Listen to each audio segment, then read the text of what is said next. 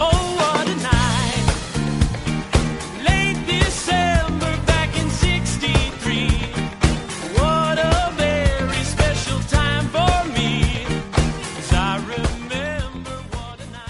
Jersey Boys is een van die grootste sensasies wat Suid-Afrikaanse verhoë in 'n lang tyd getref het en mense stroom in hulle hordes om die produksie te sien.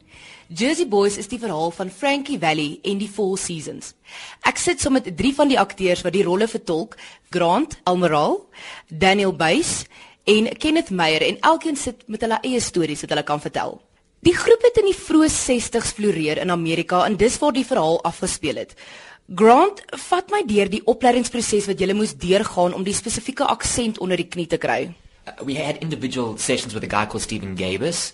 He's sort of like part of the show. He, he's the accent coach for the show, um, and he he does a lot of sort of coaches a lot of uh, movie stars and stuff like that. So we had, we each had a session with him, and then yeah, we just do a lot of we watched a lot of movies like The Sopranos and watched um, you know uh, all the mob movies, all the you know basic sort of mobster movies, which is which helped a lot as well. Die koreografie van die produksie is iets wat mense se asem wegslaan en wanneer jy manne beweeg, lyk dit soos een man. Ken dit verduidelik vir ons hoe die repeteringsproses gewerk het van die sang tot die koreografie van die danse. Our choreographer, Danny Austin. Ons het uh, so 'n week voor die tyd gekom, net net die vier van ons en dis soos 'n bonding proses. En letterlik ons het net gedrill en drill en drill and this one's ons characters how we kind of evolve them into that and kind of putting it to the choreography. En toe kom dit net uit en ons het toe gebeur dit net. Maar dit dit, dit was baie moeilik, baie streng op ons, uh, baie injuries en ja, ons het saamgekom en dit gedoen.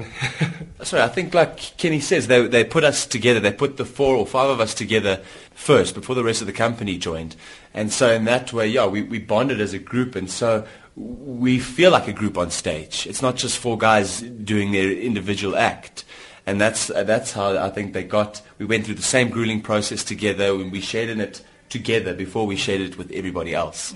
And that's I, can, I think what, what got us to, to this point of looking like one person. You say. Daniel, elkeen van julle speel 'n instrument tydens die produksie. Was dit 'n vereiste om 'n instrument te speel of speel julle nie regtig nie? Well, in the audition process, I did bring my guitar and play a bit. With uh, I sang um, "Crazy Little Thing Called Love," I think a basic song to play on, on guitar, but it showed that I had some sort of ability. I don't think it was a prerequisite. Uh, you know, you've heard about, or I've heard about other casts from around the world who who don't even do a good job of miming. You know, I don't want to slate other casts or anything, but yeah, we we learnt Mano and I. Mano plays bass and I play the guitar, and we do so in in life as well. So we sat with our band bassist and guitarist and went through the parts and learnt exactly what they play. There may be moments when you don't do a perfect job because you're busy multitasking and dancing and singing and and worrying about if you're looking convincing or not, you know. But but for most of the part we're playing what the band plays, yeah. En Kenneth, jy speel die klavier in. Uh, I had a choreographed call with our pianist Smitty. Hy was ons uh, musical advisor, jy kon sê so sê. En ek het die handbewegings geleer. So ek speel nie eintlik nie, maar dit lyk asof ek speel. Frankie Valli and the Four Seasons het 'n baie spesifieke klank gehad en grootlikste danke aan die klank wat Frankie Valli se stem gehad het. Grant, hoe stremmend is dit vir jou om met jou stem so te speel elke aand? Um, I think it's you either have that kind of a natural range or whatever. Like you can work it, you can try, you can improve on it, but a falsetto is kind of a, a falsetto. It's kind of like having a facility. You kind of like so anyway. So it's um, and funny enough, it's, that is the easier part to sing in more than the the sort of higher chest stuff, which is that becomes more difficult because it's more there's more power there and there's more belting there. Um, the falsetto stuff is actually kind of easy. En julle het hierdie produksie hulle doen hom al vir 9 maande. Hoe hou jy jou stem warm? Hoe hou jy jou stem gesond? Um, I, I've got I do vocal coach, coaching once a week with the the vocal coach in New York um, via Skype. So she we do some um, exercises and she always just checks in on me to make sure everything's still going fine and stuff. But every day, my warm ups I do vocal vocalizing every every day, warm down after the show. Um, just to make sure, because it's a it's a muscle at the end of the day. So it's like it's like an athlete. You have to warm up before you run a race and and cool down after you run a race. So it's it's just making sure that you look after your instrument. Ek sit hier so in die teaterhuis saam met die vier akteurs. Emmanuel, jy het nou saam met ons hier aangesluit. Jy het self 'n album op die rakke as 'n solo kunstenaar. Watse uitdaging het jy beleef om saam met drie ander manne op die verhoog te klim en nie net saam te sing nie, maar 'n spesifieke klank te skep wat hierdie spesifieke groep vereis het? Eersteliks, ek is nie 'n bass ek is nie 'n bass, ek is 'n baritone. So dis dit was die grootste challenge um when I when I auditioned I learned that's when I discovered I've actually got a bass range. So that was the challenge for me is working my voice in a completely new range. I think it wasn't such a big challenge for the four of us to find that sound in the th- in the sense that I think we were chosen perfectly for the roles and all four of us are singers and performers in our own right. So to bring that sound together it was just about pulling your weight and doing what you know best and creating that sound. And that week that we spent together was really about making us feel like a band and making us become that band that tours. That was it. That was the challenge. The challenge was getting to, you know, there's always a challenge when you come to a production about meeting new people. And uh, luckily, we've all met. Bef- we we'd all met before the show, so that we could get past. And then the challenge was just creating that Bond. that right. bond, But which was easy, really. They did, sorry to interrupt, they, they did push us uh, uh, in the rehearsal process to kind of adopt a certain style of singing, you mm-hmm. know. Mm-hmm. I'm, I tend to sing a little bit more maybe rounded or in, in, in the back of my throat, you know, and they wanted a slightly more forward nasal kind of sound, Yeah, you know. which is more what I so, well. know, yeah, mm-hmm. so, so sort of throughout the process, they they really steered you and pushed you in a certain direction, but because it was so constant, the drive or the push, by the time you got to the, the finish line, you didn't even realize you'd just been molded. You know what I Yeah. mean? It was so, it became so organic, Mm. you know. smooth. Kenneth, dit is min dat mense sien dat die orkes agter weggesteek is, as ek dit so kan sê. Wat is die rede daarvoor? Ag dis dis in die, in Jersey Boys onskou, dis glad nie waar nie want die orkes kom op die verhoog om te speel, maar hulle is onder ons verhoog eintlik.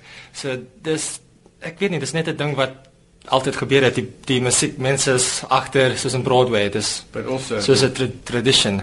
Maar hulle is op ons set, on, on stage, wat dit baie baie baie interessant maak. But they've also got to make it look like we're the band at the beginning of the show. So um, you can't have, you can only just have the drummer really, because the rest of us are the band. So I think that was the, that's the main reason.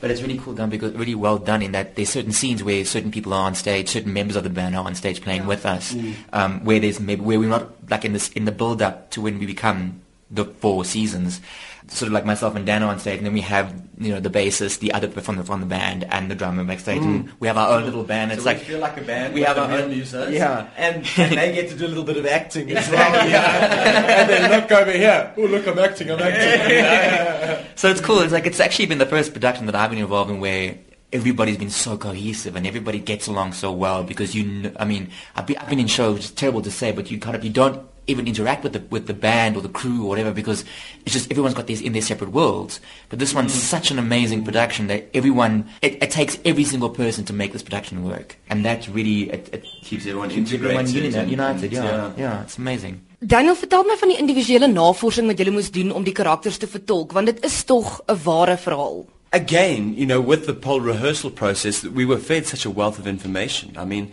I would love to say that months before rehearsal process or Frankie camp, I was lucky enough, sorry, gents, lucky enough to go to New York with the two Frankies. And I'd love to say that prior to that, I did months of research about these guys and, you know, studied their life, but I didn't really, you know, I'd seen a couple of little clips on YouTube about Tommy and, you know, seen the kind of character he is. But otherwise, in the rehearsal process, we were given such a wealth of information of, of who these guys were, uh, being Italian immigrants, you know, why they lived the lives they did, where they placed value, and on, and on what they placed value.